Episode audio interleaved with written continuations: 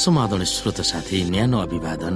म उही तपाईँहरूको आफ्नै मित्र धनलाल राई। श्रोत साथी आज म तपाईँको बीचमा बाइबल सन्देश लिएर आएको छु। आजको बाइबल सन्देशको शीर्षक रहेको छ परमेश्वरको मन्दिरमा।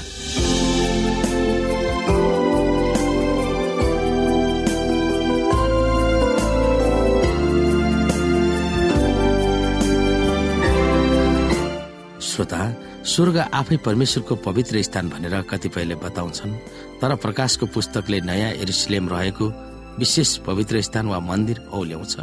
त्यहाँ परमेश्वरको सिंहासन र सिसाको समुद्र अवस्थित छ। त्यहाँ सबै राष्ट्र जाति भाषीहरूका मानिसहरू जम्मा भएर सदाकाल परमेश्वरको आराधना गर्नेछन्। हामी विभिन्न बाइबलका पदहरूलाई हेर्न सक्छौ एक आपसमा त्यसलाई तुलना गरेर हेर्न सक्छौ। मुक्ति पाएका महान भिड दिनरात परमेश्वरको मन्दिरमा परमेश्वरको आराधना गर्नेछन्। प्रकाश सात अध्यायको पन्ध्रसँग योहन्नाले प्रकाश एक्काइस अध्यायको बाइसमा लेखेका मैले मन्दिरै देखिन भन्ने वाक्यलाई कसरी तालमेल गर्ने? हामी हेर्न सक्छौ यहाँनिर।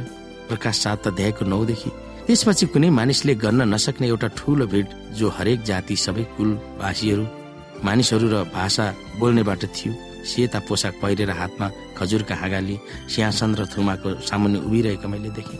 तिनीहरू उच्च स्वरले कराए सिंहासनमा विराजमान हुनु नै हाम्रा परमेश्वर र थुमामा मुक्ति छ अनि सिंहासन धर्मगुरुहरू र चार जीवित प्राणीहरूका वरिपरि सबै स्वर्गदूतहरू उभिए र तिनीहरू सिंहासनको सामुन्ने घोप्टो परि यसो भन्दै परमेश्वरलाई दण्डबोध गरे।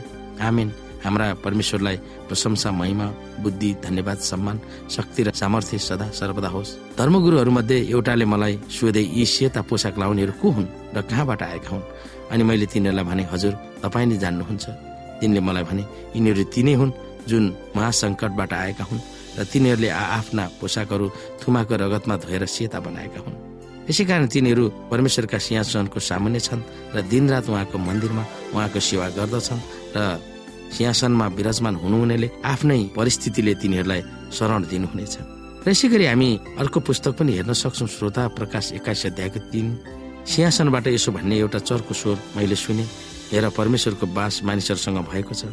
उहाँ तिनीहरूसँग बास गर्नुहुनेछ र तिनीहरू उहाँका प्रजा हुनेछन् र परमेश्वर आफै तिनीहरूका परमेश्वर भएर तिनीहरूसँग रहनुहुनेछ। अन्तिममा बाइसमा हामी हेरौँ मैले त्यस सहरमा कुनै मन्दिर देखिनँ किनकि त्यहाँको मन्दिर स्वयं परमेश्वर सर्वशक्तिमान थुमा नै हुनुहुन्छ। श्रोत साथी स्वर्गमा भएको पवित्र स्थान वा मन्दिर जहिले पनि स्वर्गका जीवहरूले परमेश्वरको आराधना गर्ने थलो थियो। तर पाप देखा पर्दा त्यस पवित्र स्थान मानिसहरूको मुक्ति उपलब्ध गराउने थलो भएको थियो। जब पापको समस्या सदाको निम्ति सुल्झिनेछ स्वर्गको पवित्र स्थान पहिलाकै काममा फर्किनेछ। प्रकाश बाइसको बाइसमा सहरमा मन्दिर देख्न छाड्यो भनेर यवनाले लेख्दछन् किनभने सर्वशक्तिमान परमेश्वर थुमा नै मन्दिर भएका थिए। त्यसको अर्थ यो होइन कि परमेश्वरको वचन परमेश्वरको भवन कहिले हुने छैन। जहाँ उहाँका आराधकहरू आउन सक्नेछन् र उहाँसँग विशेष सङ्गति गर्न पाउनेछन्। यो कदापि होइन। श्रोत साथी आराधना गरिने परमेश्वर र उहाँलाई आराधना गर्ने आराधकहरूको बारेमा प्रकाशको पुस्तकले विशेष ध्यान दिएको छ। स्वर्गमा गरिने आराधना परमेश्वर र थुमामा केन्द्रित भएको हुन्छ। जहिले पनि हाम्रो आराधनाको केन्द्रबिन्दु यसु ख्रिस्ट नै हुनुपर्दछ। आराधना गर्ने मानिसहरू ती हुन् जो जुनहरू महासङ्कटबाट आएका हुन् र तिनीहरूले आफ्ना आफ्ना पोसाकहरू थुमाको रगतमा धोएर सेता बनाएका छन्। मुक्ति दिने र आमूल परिवर्तन गर्ने शक्ति परमेश्वरमा छ भनेर तिनीहरू उहाँका जीवित साक्षीहरू हुन्। तिनीहरूले परमेश्वरको प्रशंसा गर्छन्। जो हुनुहुन्छ र उहाँले तिनीहरूको निम्ति के गर्नुभयो त्यसको लागि। हामीले यहाँ प्रकाश एक्काइस अध्यायको तेह्रमा पढ्यौँ भने सिंहासनबाट यसो भन्ने एउटा चर्को स्वर मैले सुने हेर परमेश्वरको बास मानिसहरूसँग भएको छ। उहाँ तिनीहरूसँग बास गर्नुहुनेछ र तिनीहरू उहाँको प्रजा हुनेछन् र परमेश्वर आफै तिनीहरूका परमेश्वर भएर तिनीहरूसँग रहनुहुनेछ। ती पदहरूले बाइबलका विभिन्न पदहरूलाई पनि प्रतिबिम्बित गर्दछ। तिनीहरू मेरा प्रजा हुनेछन् र म तिनीहरूका परमेश्वर हुनेछु। मेरो वासस्थान तिनीहरूकै हुनेछ म तिनीहरूका परमेश्वर हुनेछु। तिनीहरू मेरा प्रजा हुनेछन्। म तिनीहरूलाई हेरिसलेममा बस्नलाई ल्याउने छु। तिनीहरू मेरा प्रजा हुनेछन् र म तिनीहरूका परमेश्वर भएर तिनीहरू प्रति विश्वासी र धार्मिक हुनेछु भनेर जकरियामा पनि हेर्न सक्छौ। र परमप्रभु भन्नुहुन्छ ती दिनपछि म इसरायलको घरानासँग यो करार बाँध्नेछु। तिनीहरूका मनमा मेरो व्यवस्था राखिदिनेछु र तिनीहरूका हृदयमा त्यो लेखिदिनेछु र म तिनीहरूका परमेश्वर हुनेछु अनि तिनीहरू मेरा प्रजा हुनेछन्। हिब्रो आठको दस।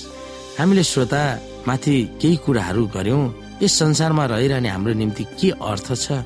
परमेश्वर हाम्रो परमेश्वर हुनुहुनेछ र हामी उहाँका जनहरू हुनेछौँ। यस अचम्मको सत्य हाम्रै जीवनमा हामी उतारिरहन सक्छौ। यो विषयमा हामी सोच्न सक्छौँ।